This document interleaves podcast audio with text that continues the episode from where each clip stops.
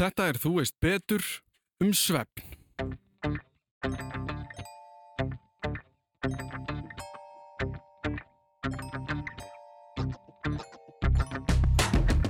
Við eigum þann vafa sem heiður, semst Íslendingar, við erum heimsmeistarar í notkun svefnlefja.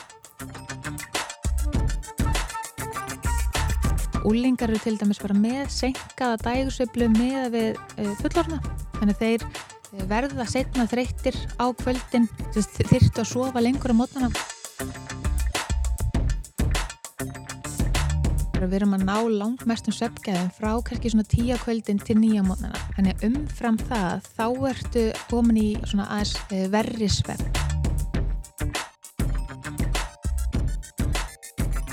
Umræðafni dagsins ætti ekki vera nokkrum einstaklingi óviðkomandi, en það fjarlægt. Þetta er eitthvað sem við gerum að minnstakosti einu sinna á sólarhing og oftar en ekki sífælt að vandraðast með, svo við of lítið og mikið, illa, seint, hvernig lögum við það sem er að og hvernig hámörku við þennan tíma sem tekur kannski einn þriðja af sólarhingum okkar. Ég fekk til mín ástildi Margreti Gístadóttur sálfræðing til að ræða þessa hluti og í þessari hlavarpsútgáfu þá heyrum við allt viðtalið sem við tókum og við byrjum á því að hún kynni sig sjálf. Ég heiti Ástild Margret Gísladóttir og ég er sálfræðingur. Uh, ég lærði líka taugarsálfræði í Maastricht University í Hollandi. Svo lærði ég klíniska sálfræði í Háskólanum í Reykjavík og ég starfaði nokkur ár við rannsóknir, ég þjónustumistu rannsóknarverkefna meðal annars við rannsóknir á kærusenni og í dag starfa ég hjá Betri Svepp sem er sagt, fyrirtæki sem sérhefið sér í meðferðum og rannsóknum uh, og fræðstu á sveppni og sveppvanda.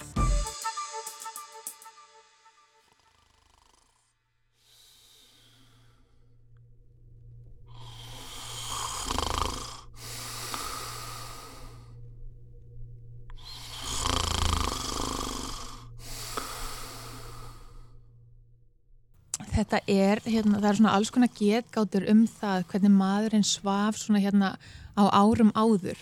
Það eru til dæmis vísbendingar um það að við höfum sofið í svona tveimur fösum og, og svona skipta skoðinir á því hvaðan það kemur. Uh, hlutaði geti til dæmis hafa bara komið til vegna þess að við þurftum að vera varbergi, uh, við vorum veiðimenn, við þurftum mögulega að skipta svefnunum okkar bara í tvent af svona praktískum ástæðum Eh, svo eru svona vísbendingar til dæmis frá miðöldum um að menn hafi reynilega skipt svefninu sínum upp í tvent í það sem þeir kölluðu dauðarsvept fyrirpartnætur og morgunsvept setjapartnætur og vögnuður svo þess á milli og voru til dæmis að að það var svona skapandi aðtapnir og, og fleira. Og það er hérna, þetta rýmar rosalega vel við það sem við vitum um svefni í dag sem er það að við erum í djúpsvefni fyrirpartnætur og við erum í drömsvefni, léttari svefni, setjapartnætur og ef við vöknum upp úr drömsöfni þá erum við oft mjög skapandi. Og hérna það mm. gæti bara vel verið að menn hafi svona verið bara búin að átta sig á því að það væri þarna einhver rithmi sem þeir gætu uh, tekið þátt í og skipt sefninu sín þess vegna upp í tvent en þetta er allt svo eins og ég segi, þetta eru getgátur og menn er ekki alveg vissir um uh, þetta hlutverk. En við veitum það í dag að rannsóni sína það að við þurfum og við sofum langt best í, með því að ná svona heilum svefni e, yfir nóttu. E, þannig að hvort sem þetta hérna, hefur bara þróast með okkur og við erum á þeim stað í dag vegna þess að samfélagið bara setur okkur í þá samfélagslegt form gera það verkum að við þurfum að, hérna, vera vakandi oft snær frá því snemma mótnana þá getur það á kvöldin e, eða hvort að menn voru bara að skipta svefninum upp af nöðsin hann áður. Þannig að fólk sem var uppi með að síðastöld var ennþá í því formi að það gæti til dæmis verið að ná nætursvefni og leggja sér svo aftur í hádeginu. Það er bara mjög líklegt að samfélagið í, í þá daga hafi þröngað fólki inn í ákveð form einmitt út af landbúnaði eða út af veiðimennsku eða eitthvað slíku. Mm. Hvenar byrjar veist þessar, þessi heilráð sko, við þurfum 7-8 tíma á nóttunni og við byrjum kannski að, að rannsaka mm. hvað þetta er mikilvægt sko fyrir okkur og þá sérstaklega ef við erum að fara að breyta þessum fasa og fara yfir í bara já þú þarfst að sofa í 7-8 tíma í beit mm. ekki vera að vakna á nætunar og allt þetta Akkurat, það er svona uh, á 19. öld þá verðast menn fyrst hafa svona gert þessa tengingu að svefn væri mikilvægur fyrir heilsu Mm -hmm. Fram að því voru menn mjög uppteknir að til dæmis draumum og ráða í þá og svo framvegs. en það verður þessi tenging svona í kring svona cirka á 19. öld og svo 20. öld fara, fara hlutinir að gerast menn átt að segja á þessari dægusveiflu sem stýrir því hvenar við sofum og hvenar við vökum og átt að segja á því að hitast ég er að tengjast hérna dægusveiflunni við erum að framlega hormón melatonín sem tengist í að við verðum þreytt á kvöldin. Og þetta þróast svona smátt og smátt í gegnum alla síðustu öld. Og svona fyrir miðru öldina þá, áttam, hérna, þá fara menna að geta mælt svepp svepp stíin með heilariti. Mm. og þá fór hlutinu svolítið að gerast fram að því voru þeir svona búin að átta sig á því að við værum til dæmis með hraðar uppkrefingar þegar við svæfum drömsvefni ef við værum vakin upp úr því stíi þá værum við líklega til að muna dröym okkar þannig að þeir voru svona búin að átta sig á því að það væri eitthvað kerfi í gangi en um leið og við förum að geta mælt stíin hann að fyrir meiri síðustöld þá gerðum menn þess að tengingar áttu svo á því að við verðum að færi gegnum nokkur steg í ringjum alla nóttina aftur og aftur Já. og gáttu svona farið að rannsaka hlutverk hvers og eins sveppstiks uh, Dægurstig þú, þú nefndir það mm. hvað áttu við með því? Dægursveipla Dægursveipla, já. já Það er sem sagt þessi innbyða líkamsklukka sem er í okkur öllum og stjórnast af mörgum svona innri þáttum og er sérst ástæðið þess að við erum að vakna ákveðnum tímum sólurings og erum að sopna ákveðnum tímum sólurings og þetta, hún stýrist til að mynda af dagljósi, dagsljósi bara og svo svona alls konar innbyggði líkamsferðlar sem að hafa þau áhrif að við erum langt best til þess fallin að sofa á nóttunni og vaka á daginn. Það er bara mjög stert kerfi uh, sem að gera það verkum að erum mjög misvel til þess fallin að glýma við hluti á ólíkum tími sólurings.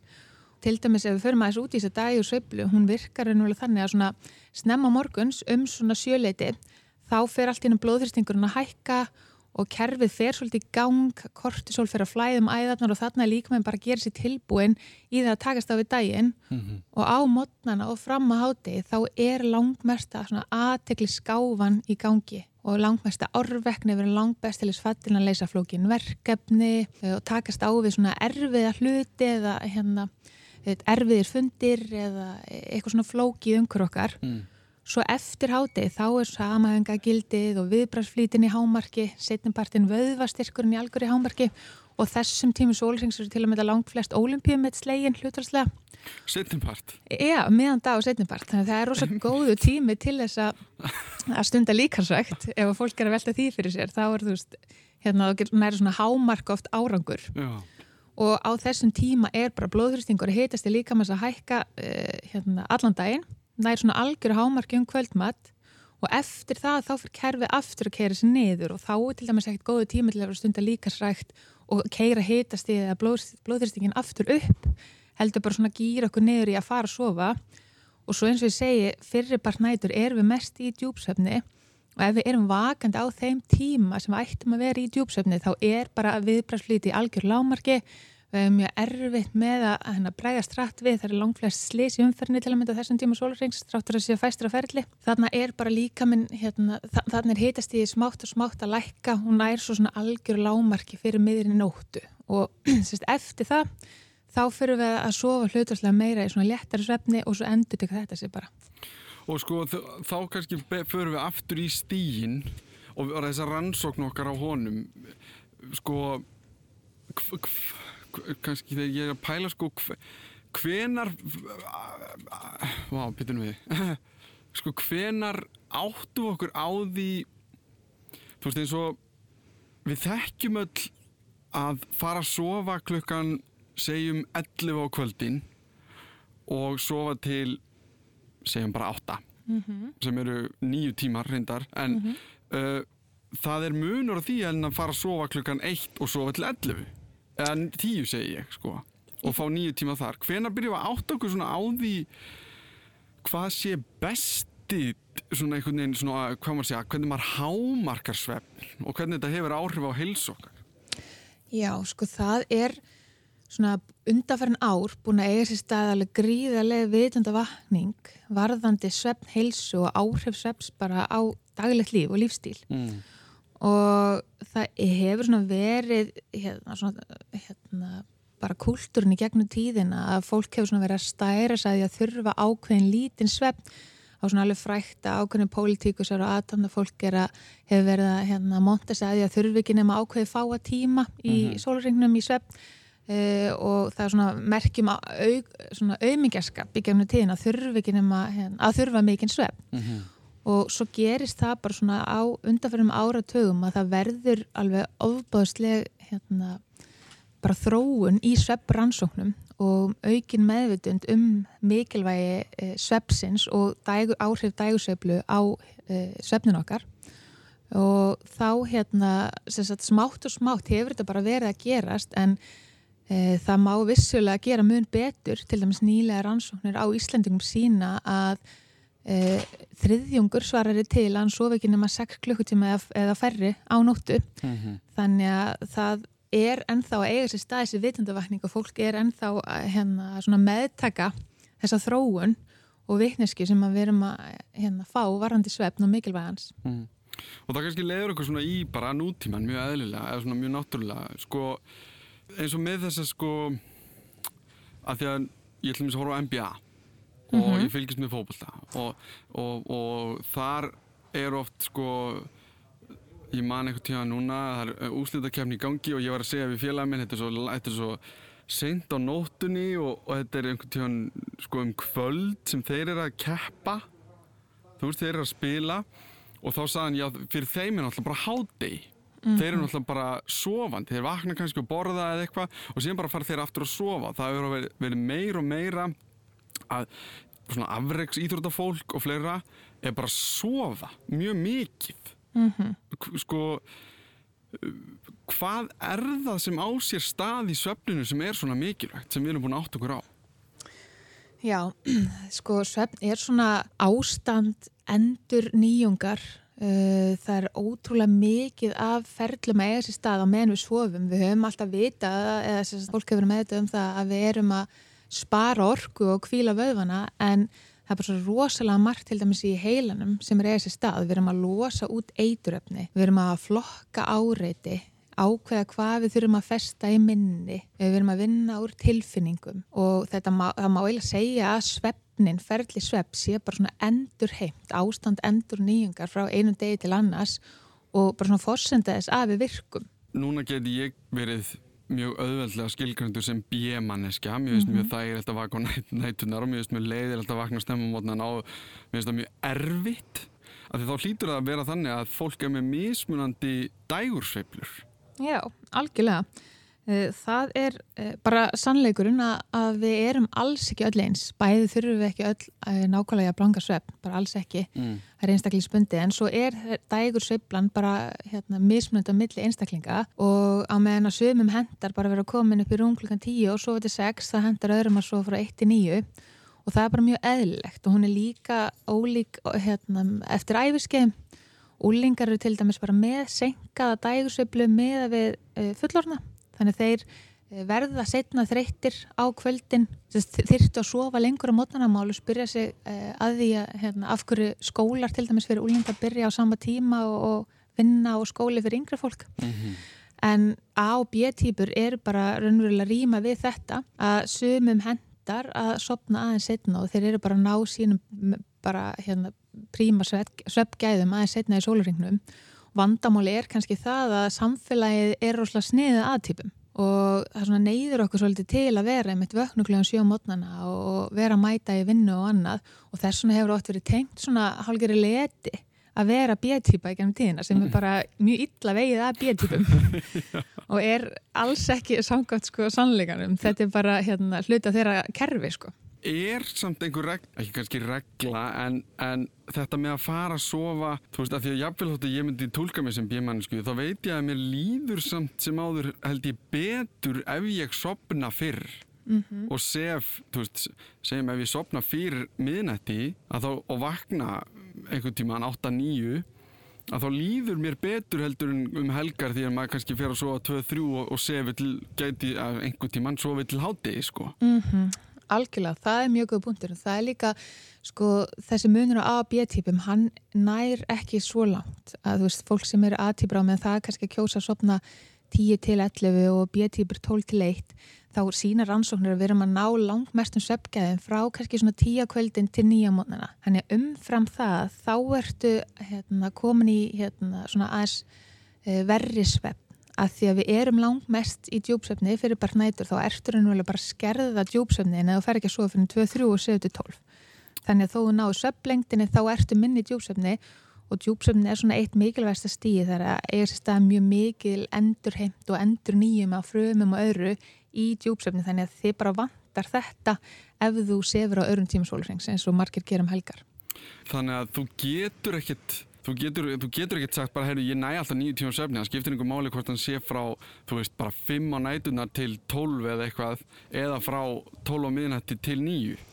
Nei, einmitt, það, það skiptir bara höfumáli hvena söfnin á sér stað og það er út af líkamsklukkunni, þannig að e, þetta er allt liður í því að við getum ekki bætt okkur upp söfn. Mm. E, það er samt reyndar þannig að eftir eina söfnleikla nótt að þá reynir heilin að bæta upp með því að vera hlutastlega lengur í djúpsöfni nóttuna eftir. Mm -hmm. en svona til langs tíma þá getum við ekki bætt upp svefn og við getum ekkert breytt því að við náum bara þessum hámar svefngeðum ákveðum tíma sólrings en auðvitað ef að fólk séfur alltaf á öðrum tíma sólrings þá getur hann náða svona frekara aðlaga sinn rithma að öðrum tímum þá þarf fólk bara að hafa í huga til dæmis hlutivarandi dagljós og, og hérna, myrkur á öðrum tíma sólarhengur skapa sér sitt umhverfi sem ítir undir það að það sé kannski aðeins búið hlýðra til dagsöflinni en svona fólk sem alla jafna sefur á nóttinni og vakir á daginn það getur ekkert hrópla þessu til En hvað er það sem að gerist þegar við fáum ekki nægan svepp? Hvaða áhrif hefur það á okkur? Já, það uh, hefur mjög margvísleika áhrif Eh, sérstaklega á svona andlega og líkamlega helsu.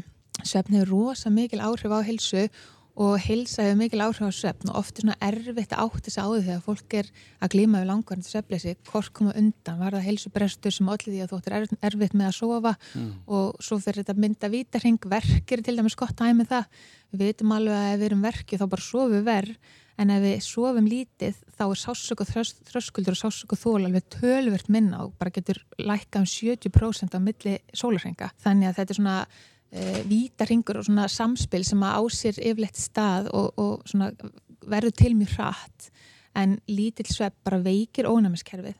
Þannig við erum útsettari fyrir því að ná okkur í flensu og pestir og fleira. Um, það hefur mjög hratt áhrif á svona hugrann að getu minni aðtegli, embetík, árvekni.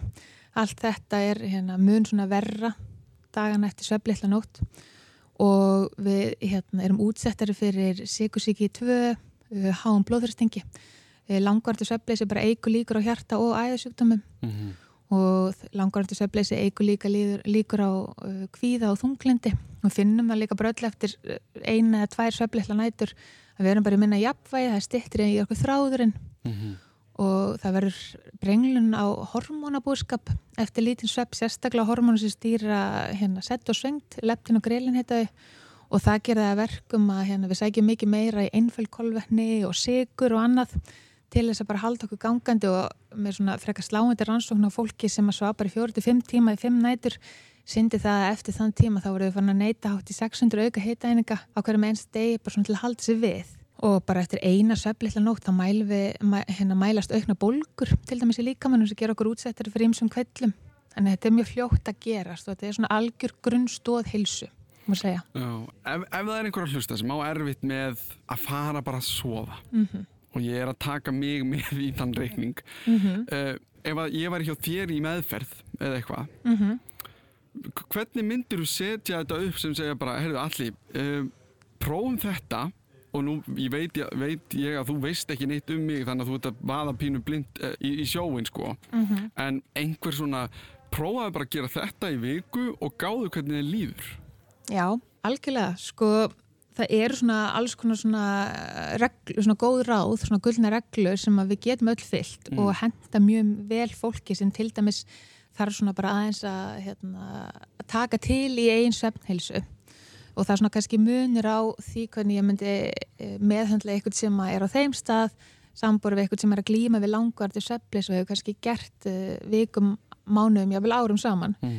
en ef að þú til dæmis þú talar um að þú ert ekkit endilega í vandra með að sopna heldur meira bara að fara að sofa mm -hmm. sem er líka bara uh, mikið vandamál, sérstaklega í nútíma samfélagi og það spila mjög mikið inn í hlutir eins og sími og tölfur, áreiti, bláa byrtan sem kemur frá skjátækjum annað. Svona fyrsta reglan sem ég mætti bara gefa þér eitt ráð, það væri að hafa reglu og rútinu á svefninu þínum.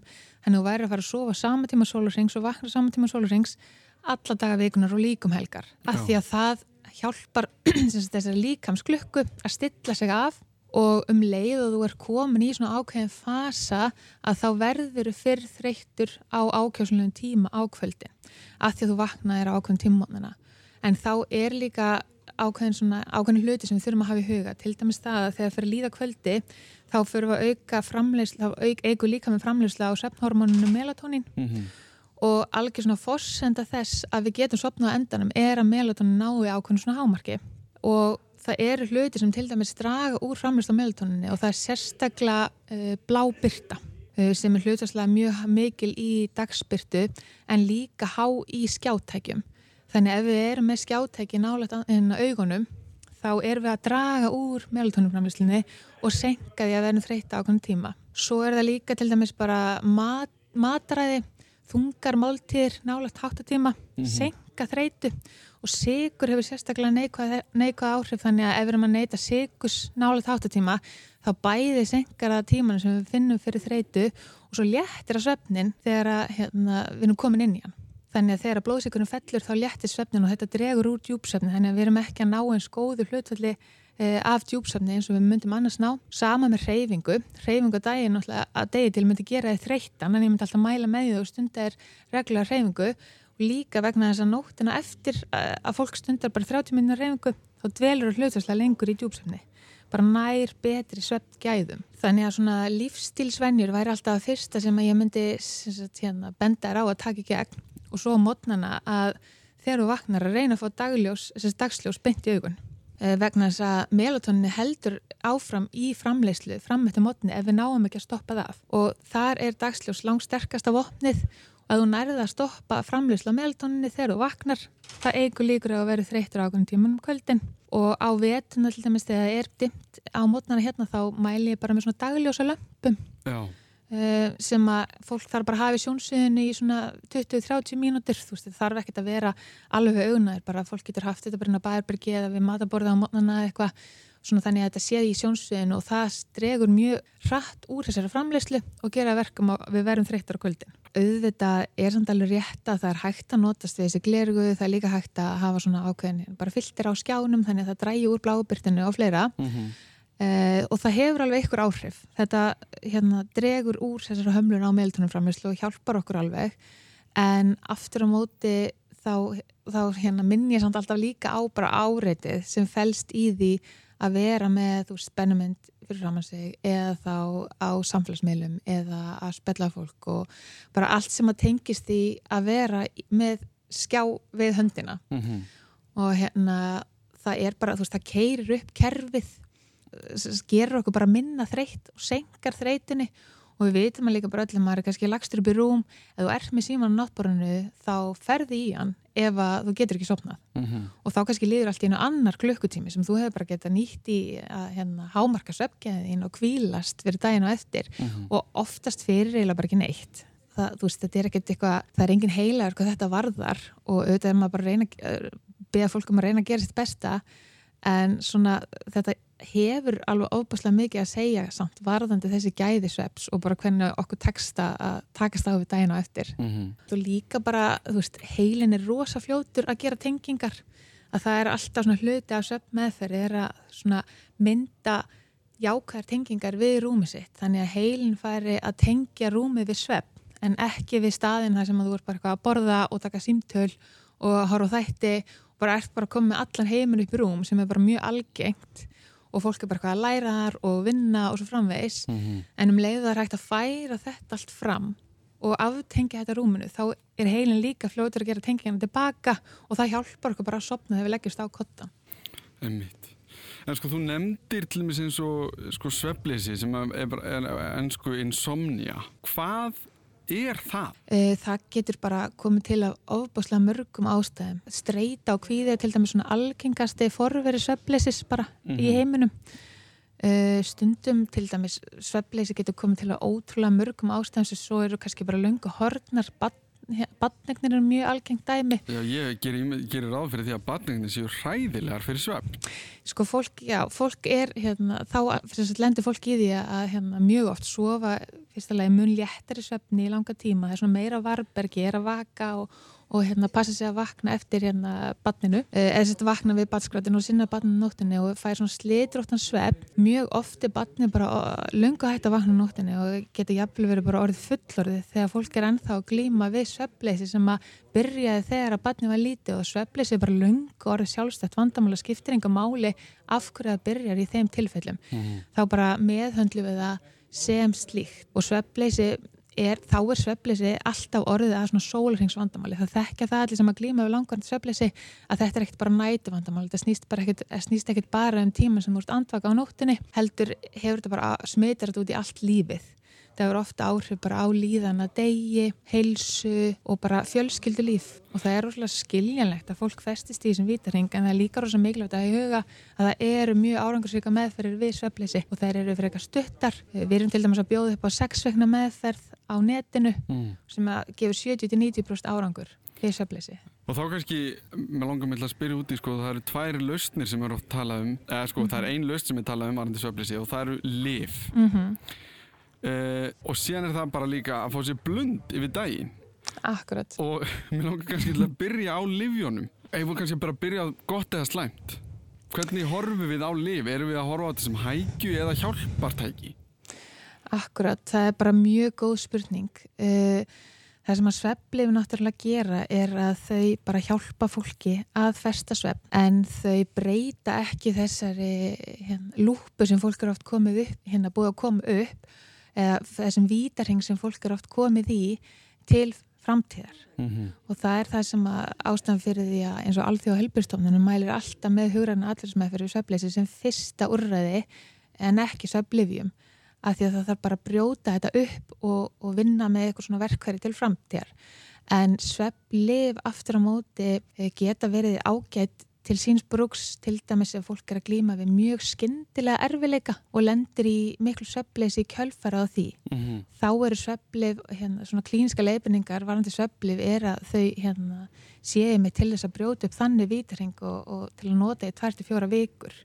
E, bara svona hérna, til að komast yfir hérna, ná svefni e, til dæmis undir miklu, miklu streytu eitthvað svo leis og það eru alltaf betra að sofa eitthvað e, á söflifum heldur en að sofa ekki neitt. Já. en það er bara mjög mikilvægt að hafa það í huga að svepplif hafa alls konar aukaverkanir og kannski það helsta er það að fólk velur ekki eins mikið í draum og djúpsvefni yfir nóttina eins og það gerir þegar það er e, sefur náttúrulega svefni.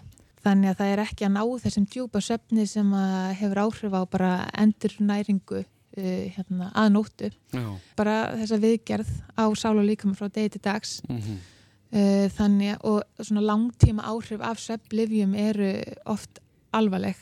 Eh, það er svona fylgni við alls konar aukaverkanir til við hérna langtíma notkun og svo líka bara er það þannig að, að fólk myndar þólgakar svepplifjum mjög hratt. Þannig þau hægt að virka og þá þarf alltaf að auka skamtana Já þú þarf alltaf meira. Já. Og raunin er svo að Ísl, við eigum þann vafa sem heiður Íslendikar, við erum heimsmeistarar í nótkunn sveflifja.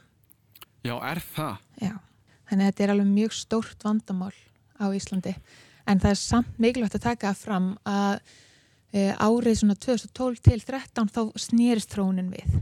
Þannig að við erum að draga úr sveflíðanótkun eins og stanir í dag mm. og hérna nótkunum fer alltaf minkandi frá til ást og við eigum ennþá langt í land, sérstaklega með löndir sem við erum að byrja okkur saman við eh, en þá, þá er þetta allt í rétt átt og ég algjör, maður getur svona, hérna, vonar að það skrifist bara á meðutund um svefn, heilsu almennt en það sem er aftur á móti mikið ágjöfni er á sama tíma frá hérna cirka 2008 þá er svefljan okkur meðal badna, hún hefur alveg margfaldast og hún, hún fyrir bara hækandi. Þannig það þarf að eiga sér stað um, mikil breyting þar. Og út af hverju er það? Það er bara mjög góð spurning, sko. Þetta þekktist eða ekki áður fyrir að, hérna, að börn væru uh, á söfliðum uh, og sömbönn auðvitað getur þurft söflið af heilsufærsliðum ástæðum með eitthvað slíku en þetta er miklu herra hlutfall en svo og það er erfitt að segja nákvæmlega akkur þetta er. Þetta byrjar að taka svona kip þegar að skjátakin, þegar, þegar þeim fyrir að fjölga á sama tíma og söflíðanótkunn er aukast sjáum við að íslenska rannsóknir benda til þess að söftími batnar sé að stittast til muna frá árið lás. Uh, Orkudrykja neysla er að markvaldast mm. og þeim líður verð. Þannig að það er einhver, það er engin að segja mér að ekki, þetta haldist einhvern veginn ekki hendur. Þannig að það þarf að uppræta þennan bara ring, vita ring sem verðist einhvern veginn vera í þróun og hérna, auka meðutund um, um hérna, sveppvanda batna þannig að við getum komunum í sama farveg og, og svepp þróun, neða, þróun er á sveppnheilsu fullorinn á Íslandi. En sko hvað með blundin að leggja sig við daginn? Gerir sko, þannig að það er mjög þægilegt en, en, en er það að gera eitthvað fyrir mann? Sko. Er maður að vinna upp? Þetta er alveg góð spurning. Uh, blundur fyrri part dags þannig svona með að við kannski í hádeginu eða fyrir það hann getur bara verið bara hérna sagt, gefið bara svona góða orku út í daginn og verið endurnærandi og ef að fólk er þreytt fyrir bara dags af einhver ástæð þá mæli ég bara oft með því að taka sér blund. Mm -hmm. eh, aftur á móti, ef þú ert að blunda eftir það eh, raunin er nefnilega svo að þegar við erum vakandi þá er að byggjast upp svona ákveðin efni í heilanum sem byggjast bara upp allan daginn.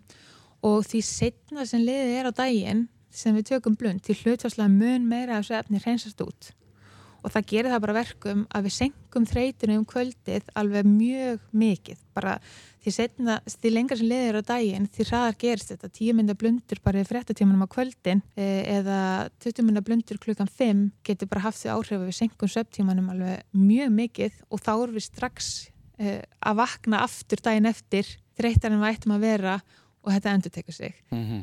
Þannig að það er svona kannski helsti vandin við blunda mm -hmm. er að þeir hérna raska þessum samfeldarsvefni sem að allar rannsóni benda til þess að sé langt bestur og gefa okkur langt bestu orkuna Já Og hvað svo með framtíðina? Hvernig, sko þannig að, ména, framtíð sveps, ég veit ekki alveg hvað maður getur talað um þar, en, en hvernig horfum við til framtíðar og svona varandi söfn og rannsóknir og, og, og hvað við erum að, læra?